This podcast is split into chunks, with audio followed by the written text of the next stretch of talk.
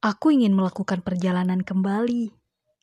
Tidak perlu jauh, tapi tetap memiliki kilometer berjarak dari rumah. Agar aku tak terlena oleh kenyamanan. Langkah ini masih ingin menjadi pengelana, mengembara sampai entah. Menemui hal-hal baru, agar ingatanku punya kenangan yang tak itu-itu saja.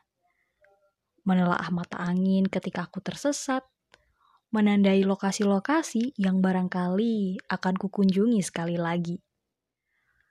Meski pernah gagal dipermainkan arah atau dipaksa kembali pulang saat terjatuh di tengah jalan, aku tidak akan jerah.